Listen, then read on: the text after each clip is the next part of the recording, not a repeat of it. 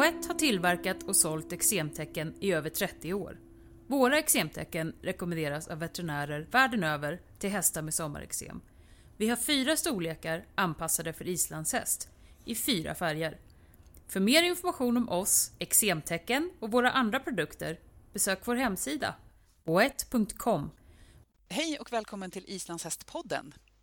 Eh, nu är det mars och äntligen börjar en lång och kall vinter komma till ända och det börjar bli vår och det tycker många av oss är jättetrevligt. Men för de människor som har hästar med sommarexem så börjar man ju fundera på hur ska det gå i sommar? Och därför har vi tänkt att vi bjuder in en veterinär som kan någonting om det här som kan berätta mer. Och därför har jag ringt upp Rebecka Frey. Välkommen till podden! Ja men hej, hej! Berätta lite mer om dig själv. Hur skulle du beskriva Rebecka?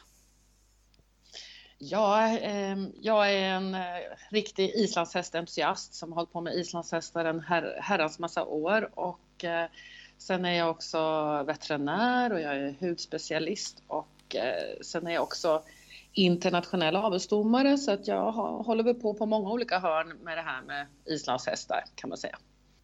Vi har ju lite funderat. Du är hudspecialist och det är därför vi har valt att prata med just dig om det här ämnet. Men kan du inte berätta, vad är sommarexem? Vad menar man när man säger att hästen har sommarexem? Sommarexem det är ett eksem som eh, med typiska tecken med att de kliar sig i man och svans och orsakas då av det så kallade eh, svidknottet eller kolikoidesknottet som det heter lite finare. Så att det är en överkänslighet mot de här bitande insekterna som orsakar en allvarlig då, allergisk reaktion i huden på hästen. Mm. Eh, vi som håller på med islandshästar vi, vi, tycker att det här är vanligt. Men är det lika vanligt på alla raser eller är det så att islandshästen är mer drabbad? Ja, tittar man på hästar som exporteras från Island så är det ju väldigt mycket vanligare på dem än på hästar födda i Sverige. Frekvensen på hästar födda i Sverige rör sig ungefär om mellan 6 och 8 procent. Och det är faktiskt ganska snarlikt andra eh, raser så där är inte islandshästarna överrepresenterade. Men de exporterade hästarna däremot, där kan upp till, i vissa studier så upp till 50 procent av exporterade hästar utvecklar då sommarexem om man inte sköter dem på rätt sätt. Okej. Okay. Så vad, vad, är det, varför blir det så? Varför får de eksem?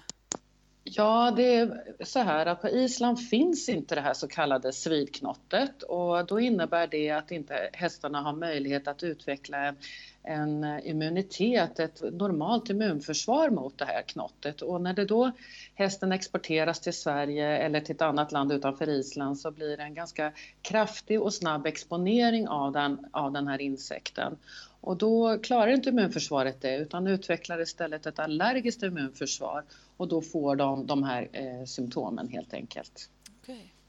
Men kan man, kan man göra någonting då för att förhindra det här?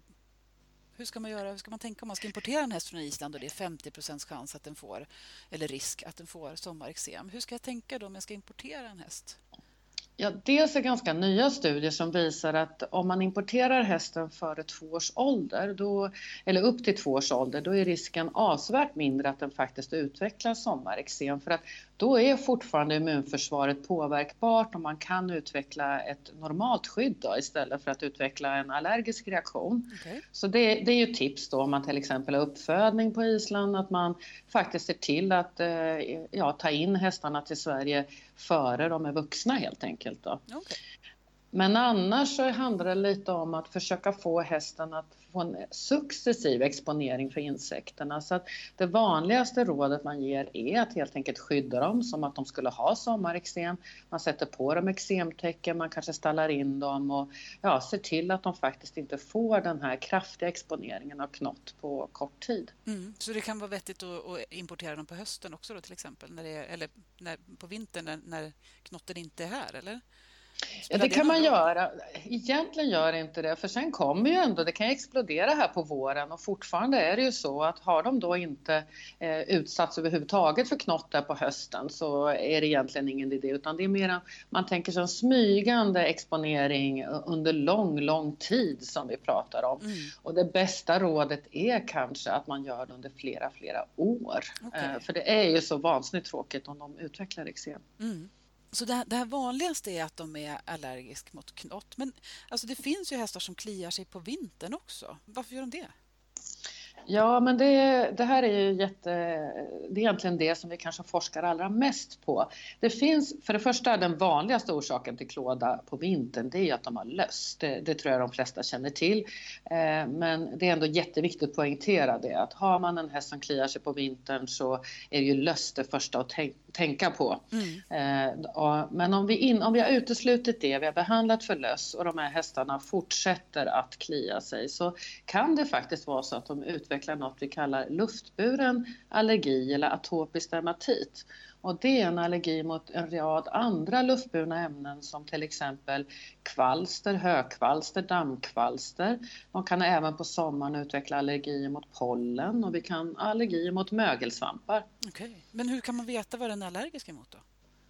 Ja, eh, egentligen är det här en utredning som man genomför, men man kan allergitesta hästar även om testerna i sig är ganska svåra och inte alltid helt tillförlitliga. Då. Så att det är jätteviktigt att när man gör en sån här utredning att man faktiskt gör det på rätt sätt och verkligen vet att de här veterinärerna som gör utredningen också är ganska kunniga på just allergier och allergiutredning. Då. Mm. Men hur går det till rent praktiskt? Gör man pricktest som på människa? Ja, man anser faktiskt att pricktesten är den mest pålitliga testen när det gäller just att eh, ta reda på luftburen allergi. Ja. Och då, då rakar man hästen på halsen och så injicerar man en rad olika ämnen. Och, eh, det brukar vara mellan 25 och 30 ämnen som man testar och sen så läser man av den där testen efter 15 och 30 minuter och sen lite senreaktioner sen också. Och då kan man se vad hästen i så fall reagerar emot. Men det är så jämfört med till exempel hund där vi gör mycket pricktester så är det inte lika lätt att läsa av den här testen. Det, man får inte rodnad på samma sätt i huden och de här eh, svullnaderna som man tittar efter kan vara lite mer diffusa att se. Så att det krävs faktiskt ett ganska vant öga för att läsa av de här. Okej, okay, så vem som helst gör inte de här allergiutredningarna på häst? Nej, pricktesten är nog faktiskt bara några få i landet som gör, så det mm. brukar vara just husspecialister som gör. Ja. Sen har vi ju blodprover också, mm. men man ska veta att blodprover där man påvisar då, vi kallar det serologitester, det är tester som påvisar IgE, i, alltså allergiantikroppar i blodet. Mm. Eh, nackdelen med de testerna är att de är inte väldigt tillförlitliga i vissa fall. Man får ja, ta dem lite med en nypa salt för att vi har mycket så kallade falska positiva och falska negativa svar här. Okay. Så det innebär egentligen i klartext att man får ett provsvar så kan du inte vara hundra säker på att det här verkligen är relevant för din häst. Okay. Ja. ja. Så att det är svårt det här. Och, ja. och, men det utvecklas jättemycket och det kommer sannolikt komma bättre tester i framtiden. Särskilt kanske tester vad gäller just eh, tester mot knott etc. Så att det kommer bättre tester. Mm. Man blir nyfiken, kan man, kan man bara testa hästar som har allergi eller kan man testa om hästen på Island till exempel kommer att få allergi? Nej, än så länge inga i alla fall kommersiella tester för det tyvärr. Utan det, det är bara som du säger när de väl har utvecklat symptomen, det är då vi kan testa dem. För att det är ju som sagt de här IgE-antikropparna som vi testar och de finns bara där om man har en allergi mot det här ämnet. Just det. Hör, en sak till som jag tänkte på där. Du sa på vintern om de kliar sig så kan det vara löss. Är, vad är löss för någonting? Är löss och pälsätare och loppor? Vad finns, vad finns det mer man kan ha? vad, är, vad är det för någonting? Vi brukar prata om pälsätare. Är det löss? Ja, ja, det är precis. Eh, det är precis som du säger. Det är det vi kallar pälsätare. Det är pälsätande lus. Okay. Och, och eh, klass, det finns ju andra parasiter också. De kan få blodsugande löss också, men det är, det är ofta väldigt nedsatta och sjuka hästar. Så den klassiska klådan på islandshästar eller alla hästar som har så här kraftig vinterpäls det är just pälsätare eller pälsätande lus. Mm. Och den, sem, den finns ju på Island och den finns jättemycket även på alla raser men framförallt då på hästar med mycket päls. Den, de här små lössen älskar att knapra den här långa eh, ja, långa pälsen. Och typiska symptom är ju då att de börjar klia sig under manen, gärna i ansiktet och det är ju samma ställen som gärna sommarexemet också syns på. Ja, precis. Om, om en häst har pälsätare på vintern eller löss, är, den, mm. är det större risk att den får sommarexem på sommaren då?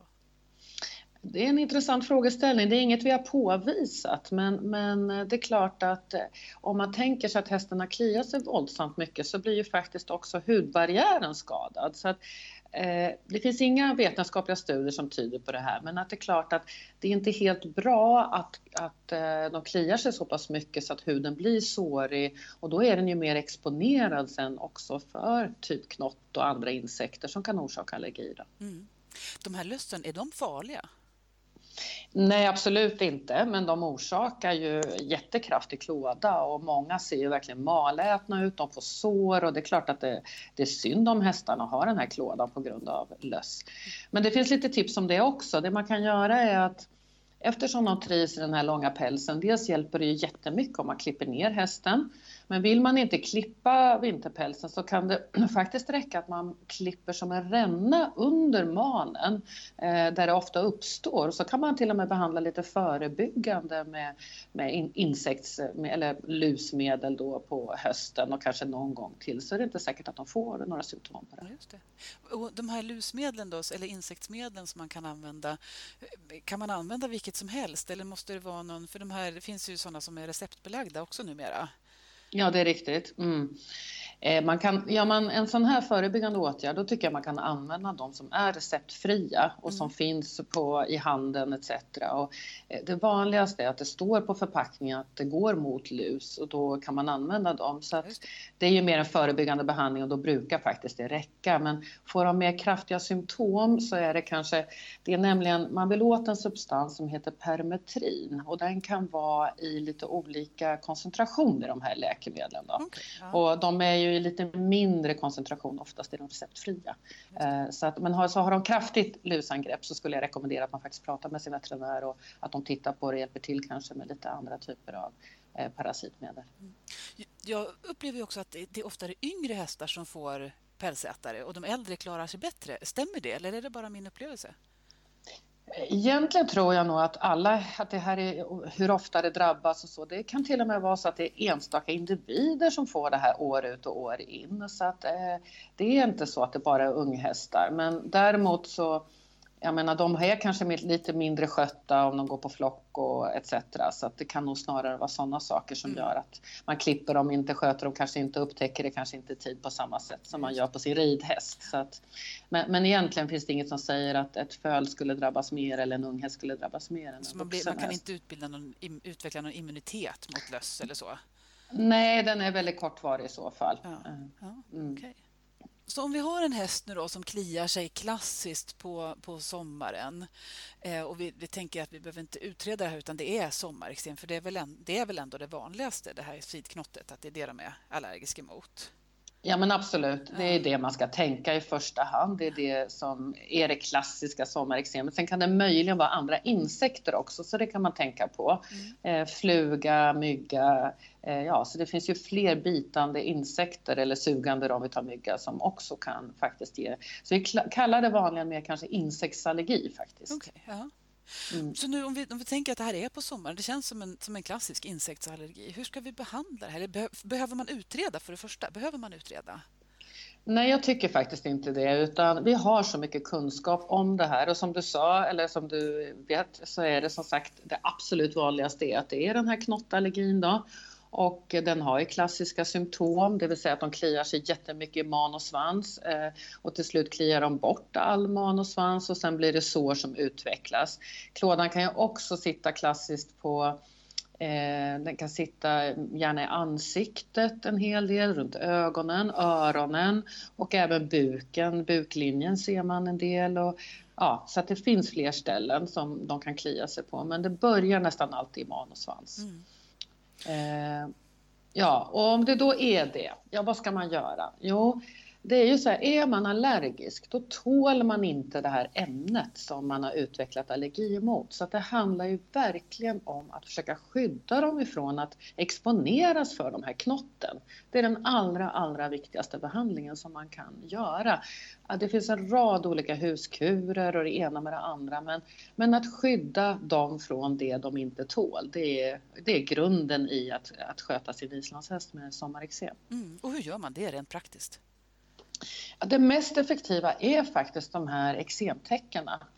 Eh, och då gäller det att man har ett täcke som både skyddar först då man och svans men gärna också en huva mm. så att eh, man verkligen får gärna också en gördel så att man får även magen skyddad. Och det här täcket behöver man sätta på innan säsongen börjar. För har man väl fått en, ett allergiskt immunförsvar, att hela den här eh, cirkeln sätter igång immunförsvaret med att bilda allergiantikroppar, då kan det nästan vara för sent. Mm. Så att det viktigaste tipset är att vet man om att hästen har sommareksem, på med täcket innan knottsäsongen börjar. Mm. Så man ska inte vänta tills de har börjat klia sig? Nej, det är verkligen inte, utan tänk på det, skydda dem innan. Och det är flera orsaker också. Om vi säger att den här nu allergiska immunförsvaret har satt igång som ger kraftig klåda, ja då kliar de gärna sönder täcket också så att det blir en ond cirkel av det här. Så det är verkligen förebyggande behandling vi tänker på med de här mm. hästarna. Mm. Så på med täcket? Ja, på med täcket. Sen uh -huh. nästa råd, vad kan man mer göra för att skydda dem från knott? Ja, man kan ha dem uppstallade. Om man ställer dem på stall, de här knotten eh, går inte gärna in i stallet. Och de, varför finns de inte på vissa platser? Ja, de är extremt dåliga flygare, alltså de kan knappt flyga. Eller hålla sig kvar i vinden ska jag väl kanske säga också. Mm. Eh, så vad de gör är att de kryper in i manen och mankammen för att hålla sig på plats nästan kan man säga, då, för de flyger bort med vinden. Mm. Så minst att det är vind så blåser de bort. Eh, och eh, samma sak att de inte gärna går in i ett stall. Så att eh, har man dem inne, en hästen uppstallad då, då är chansen också väldigt mycket mindre att de exponeras för knott. Mm. Mm. För de här knotten, de beter sig lite över dygnet också, eller hur? Ja, men det är riktigt. De, man brukar säga att de svärmar i skymning och gryning så att de har en ökad aktivitet då vid vissa tider på dygnet. Men samtidigt så, så finns de ju eh, dygnet runt vanligtvis också. Mm. Sen är det utetemperatur, ja de börjar ju komma nu. Det var som vi sa, det här programmet är lämpligt för nu när det börjar bli en sån där mer än 8-10 grader dygnstemperatur ute, ja då kommer de börja kläckas och komma och börja surra där ute. Mm. Mm. Så att skydda hästen, det är liksom grunden i behandlingen på något sätt? Ja, det, jag, tycker verkligen att det är ett budskap jag gärna skulle vilja att alla hade med sig härifrån. Att ingenting i form av kosttillskott eller att smörja, schamponera, läkemedel, ingenting är lika effektivt som det här att skydda hästen från knotten. Mm. Men om man ändå ska behöva göra någonting mer, vad ska man då göra? Vad är, vad är det som är effektivt, effektiv behandling? Alltså nästa effektiva behandling det är att försöka hålla huden både mjuk och ren. Och det är flera det är det att de kliar sig mycket, de blir mjälliga, de blir skorpiga och då kliar det ännu mer när de blir mjälliga och skorpiga. Så kan man eh, hålla huden mjuk, man kan använda ja, egentligen bara någonting som man tycker själv fungerar bra. Det finns ju väldigt många olika preparat för eksemhästar eller andra huskurer man kan tänka sig. Mm. Eh, ibland kan det till och med ha en positiv effekt just att det är lite kladdigt, för som jag sa igen, eh, knotten är väldigt dåliga flygare. Mm. Så att om de sätter sig i den här lite olja kletiga, då drunknar de där. Okay, så då, då, ja. kommer, då, då, kommer de faktiskt inte kunna orsaka någon skada. ja. Ja, så det har lite kladda, dubbel effekt. Kladda på bara. ja, precis. Ja. ja. så kladda på med saker som eh, gör att de ja, dränks i det där så att säga. Ja, Eh, Eh, men nej, men det är viktigt. Man, men det är också viktigt att schamponera bort eh, både mjäll och bakterier från hudytan så att den hålls ren och fräsch. Då. Så att gärna en, åtminstone schamponera en eksemhäst en gång i veckan med medicinska schampon. Vad är ett medicinskt schampo? Ett medicinskt schampo är ett schampo som har inverkan beroende på hur huden ser ut. Alltså det kan finnas ett mjällschampo om huden är mjällig. Det kan mm. finnas ett bakteriedödande schampo om vi har fullt av sår med bakterier som finns där. Mm. Det kan också finnas faktiskt klådstillande schampo, så kallade havremjölsschampo som man kan använda för att man vet att havremjöl har en lindrande och klådstillande och mjukgörande effekt. Mm. Så att det finns en uppsjö av olika schampon som faktiskt kan fungera väldigt bra. Mm. Och även där har vi mycket produkter som just riktade till hästar med sommareksem som man kan titta på och se om man tycker verkar funka på sin häst. Så att hålla rent och att hålla mjukt. Mm, ja. Precis. Finns det, finns det någon medicin man kan använda? Liksom, finns det någon, någon liksom storslägga med medicin? Eh, inte som är, eh, alltså det gör det. man kan absolut använda kortison. Man kan använda kortison både utvärtes. Eh, kortison är ju den här klassiska allergimedicinen som både dämpar klåda, dämpar inflammation och etc. Och det första man brukar göra med om det, man säger man får ingenting att funka, det är att börja kanske att just behandla med lokalt kortison i man och svans och där det kliar som värst. Så en, en kortisonlösning helt enkelt som veterinären skriver ut. Eh, men är det riktigt, riktigt illa, eh, det vill säga att ingenting hjälper, hästen kliar sönder sig, då får man ju ge kortisontabletter eller kortisonpreparat till den för att bryta så att säga en ond cirkel som pågår. Ja, jag berättade ju det här att det är ett immunförsvar som liksom bara fortsätter att bilda massa allergiantikroppar och för att bryta den här onda cirkeln så kan det vara nödvändigt att ge då kortison för att det ska lugna ner sig, svullnad och klåda och allting ska gå ner och att man sen då effektivt ska kunna skydda dem från fortsatt exponering. Mm. Människor äter ju ofta eh, allergimedicin på något sätt. Man är allergisk mot någonting och så tar man allergimedicin. Finns det något sånt för häst? Antihistaminer? Ja men exakt, man kan använda antihistamin men det är inte jätteverknings... Eh, alltså det finns det finns de som tycker att hästarna blir hjälpta av dem. För det första ska vi veta att det är ganska stor placeboeffekt. Man brukar räkna med 20 till 30 procents minskad klåda.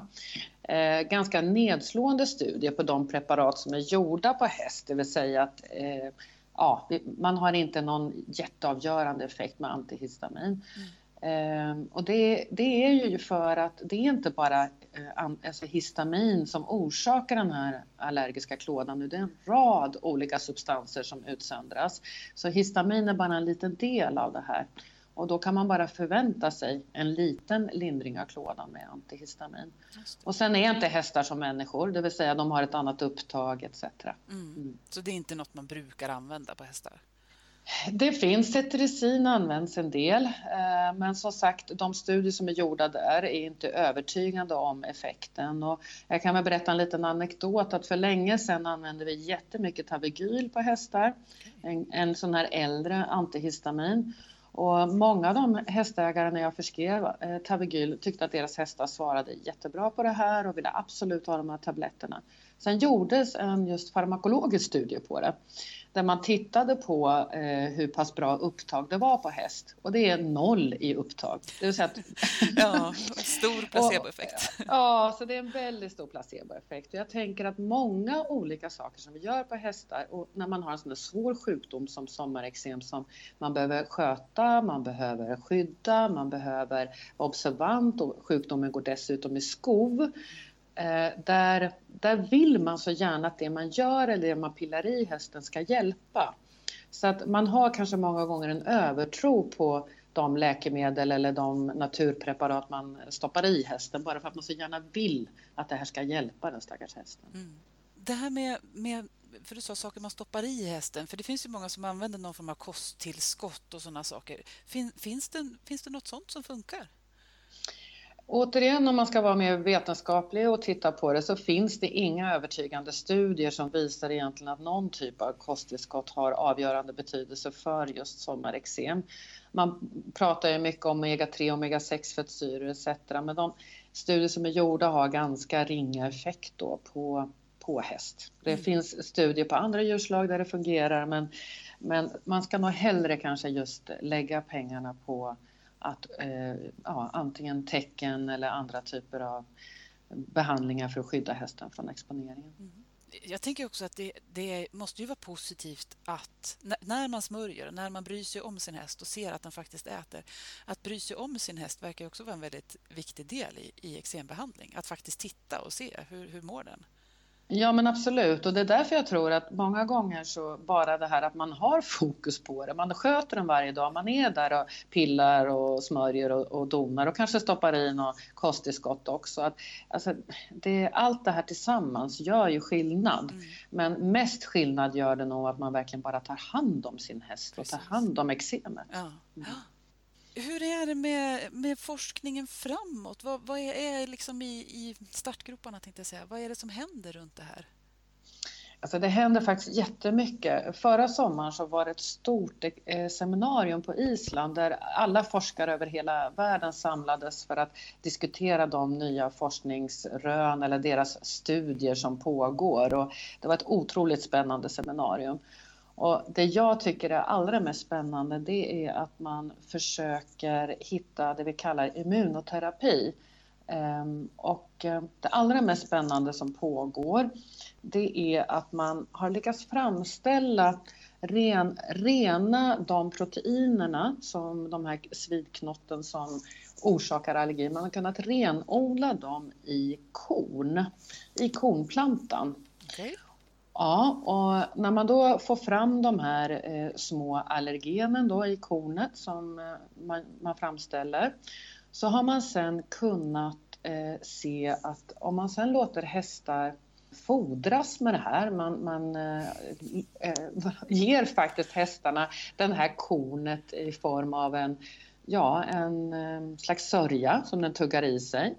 Då kan man få ett, men då har man sett nu att du kan få ett normalt immunförsvar mot de här knottämnena, knottproteinerna. Så det här pågår och det innebär egentligen att tanken med det är att man skulle alltså kunna Eh, du frågade om det fanns något sätt att testa hästar på Island om de ska få eh, sommarexem. Nej, men skulle man kunna låta hästarna redan på Island få det här immunoterapin då som är förebyggande behandling, då kanske de klarar att komma sen då utanför Island och kan tåla knott. För de har utsatts för det. Mm. De vänjer sig redan där då med att äta ämnet istället mm. för att bli stuckna av det. Ja, exakt. Ja, och det är, eh, man vet ju att i munhålan, alltså man utvecklar en annan, det är en annan slags immunförsvar där, men att det alltså ändå kan ge då skyddande antikroppar mot knott. Då. Mm. Så det är väldigt coolt. lovande resultat. Det är ju jättehäftigt ja. om det skulle ja, det är, det är lite science fiction tycker ja, jag. Det är, ja, visst. Äta det, korn och bli immun. Ja, och det är det som är så häftigt. Man har alltså kunnat framställa de här eh, knottproteinerna även i an, andra insektsceller etc. Men just det här att man lyckas framställa det i korn som ja. hästen faktiskt naturligt kan äta. Precis, det är precis. ganska fascinerande. Ja. Mm. Det är inte så att den behöver äta liksom 15 kilo per dag för att få i sig... den kan äta en rimlig mängd korn för att få i sig tillräckligt mycket. Eh, det här är ju studier som än så länge bara gjorts på ett antal hästar, men då har man låtit dem, det är en slags, eh, man sätter på dem ett träns med en rulle eh, med där det utsöndras sådana här kornsörja då, som de står och tuggar på. Då. Och det här görs, eh, har gjorts då en gång om dagen och sen har man väl tänkt att det ska fortsätta en gång i veckan. Men eh, de studier som är gjorda är ju inte gjorda under lång tid utan det var bara för att se om man överhuvudtaget bildade antikroppar mot de här ämnena när man, när man åt knottproteinerna. Ja. Och det gör man. Sen finns det andra försök där man injicerar motsvarande i lymfknutar. Man injicerar knottprotein i lymfknutarna mm. och får då också ett naturligt immunförsvar mot dem. Så någon form av förebyggande vaccinering är väl det som många tittar på här nu då för att slippa att man överhuvudtaget utvecklar den här knottallergin. Ja om hästen har fått allergi, skulle man kunna liksom använda de här behandlingarna då? Eller är det bara innan man får allergin som man skulle kunna... Är det det de inriktar sig på?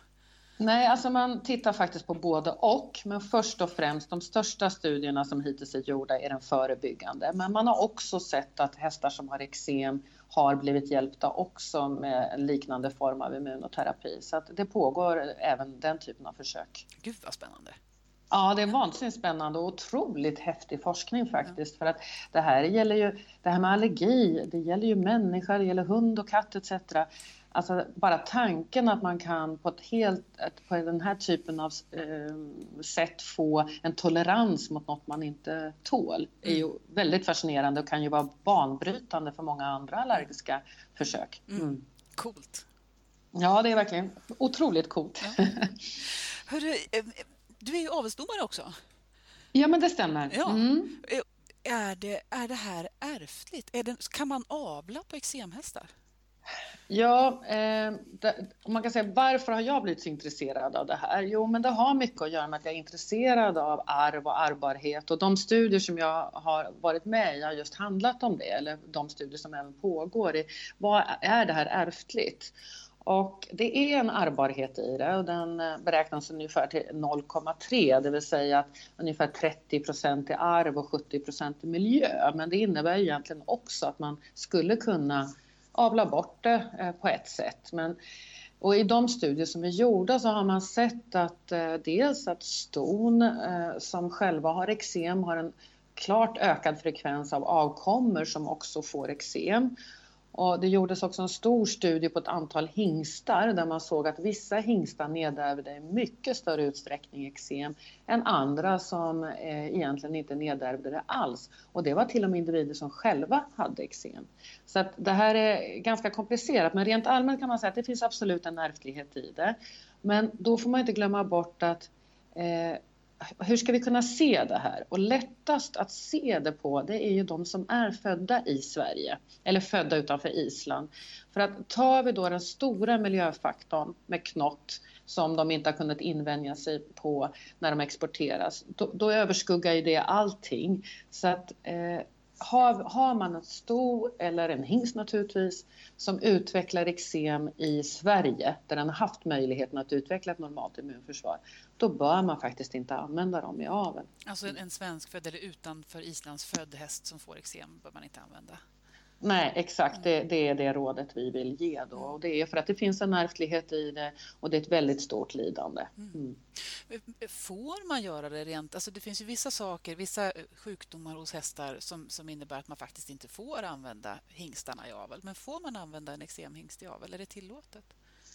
Egentligen säger ju djurskyddslagen ganska tydligt att eh, djur som nedärver ärftliga defekter får inte användas i avel. Så mm. tolkar man den rakt ut så är det ju så att de inte får användas mm. enligt djurskyddslagen. Mm. mm. Men det är upp till djurägaren då, eller hästägaren. Mm. Vi har ju ingen veterinärbesiktning längre eh, i samband med avelsbedömningar, men det innebär egentligen att, att det är du som hästägare som, som måste vara så seriös att du plockar bort ett djur som utvecklar sommarexem. Att du plockar bort det från aveln helt mm. enkelt. Mm. Precis, vi måste alla ta ansvar för det tillsammans. Ja, men det är ju så. Och, och, som sagt, återigen i den här större studien som vi gjorde så var det ju väldigt tydligt att vissa hingstar var helt klart nedärvde i mycket större utsträckning som eksem till sina avkommor. Och det var med en jämn distribution av ston och de hade, det här var också en studie som men väldigt, de hade ett stort antal avkommor, alla de här hingstarna man tittade på. Mm. Det vill säga att det var en fördelning av stona också. Och då, då fanns det hingstar som sagt som upp till 50 procent av avkommorna fick sommarexem. Okay. Och hade de hingstarna som var med i den studien, hade de själva eksem också? Eller hade de in, visste man inte om de hade eller inte? Eh, de, eftersom de flesta, om vi ska återigen, säger eller talar inte om om hingstarna har det, för då får de ju inte användas. Så de här hingstarna hade vanligtvis inte eksem själva, eller de hade inte det. Mm. Eh, men deras avkommor fick det. Okay. Mm. Mm. Så, så även om man har en en hingst som inte har något synligt så, så skulle den kunna nedärva ändå. Alltså man kan nedärva den utan att, att det syns på sig själv, på individen. Ja, men så är det absolut. Mm. mm. Sen är det naturligtvis alltid så att det är två föräldradjur, om båda bär på anlag för en sjukdom så är det större risk att det utvecklas. Det vill säga om stovet också bär på de här anlagen. Mm man ska ju veta att det är ganska komplexa anlag med allergi. Vi har gjort flera sådana genetiska studier och man har sett vissa eh, ställen på genomet som ger en ökad risk för det här. Men det kommer inte vara så att det i framtiden finns en gentest som säger att den här hästen har eller kommer få eksem. Utan det är så många gener involverade i det här. Då. Okej, och så behöver man ju miljöfaktorerna också då. Om man inte utsätts för de här knotten så blir man inte allergisk mot dem. Nej men det är riktigt att miljöfaktorerna, sen kan man ju säga då att de svenskfödda, de kan ju utveckla, om de är, har ett väldigt allergiskt genetiskt immunförsvar om vi säger så, då kan de ju istället utveckla allergi mot andra ämnen. Så så kan det bli. Då kan de bli just, få den här luftburna allergin till exempel, att de är allergiska mot pollen eller högkvalster eller dammkvalster istället. Då, så att det, det ser man ju. Mm. Så där är det lite som med människor, att vissa kommer från familjer med mycket allergier och andra är inte allergiska mot något? Ja, men exakt så är det absolut. Mm. Tusen tack för att du berättar och tack för alla goda tips till folk som har eksemhästar hur vi ska behandla dem här under sommaren. Ja, jag hoppas att det, att det blev lite, lite små råd i alla fall. Och som sagt, det viktigaste budskapet är att skydda hästarna från det de inte tål. Skydda dem mot att överhuvudtaget utsättas för eh, knotten. Mm. Skydda dem från knotten, skydda dem från det de är allergiska mot. Det är huvudbudskapet. Jajamän. Mm. Tusen tack för det. Ja, tack själva. och trevlig sommar. Ja, detsamma. Boett har tillverkat och sålt eksemtecken i över 30 år. Våra eksemtecken rekommenderas av veterinärer världen över till hästar med sommareksem. Vi har fyra storlekar anpassade för islandshäst i fyra färger. För mer information om oss, eksemtecken och våra andra produkter besök vår hemsida boett.com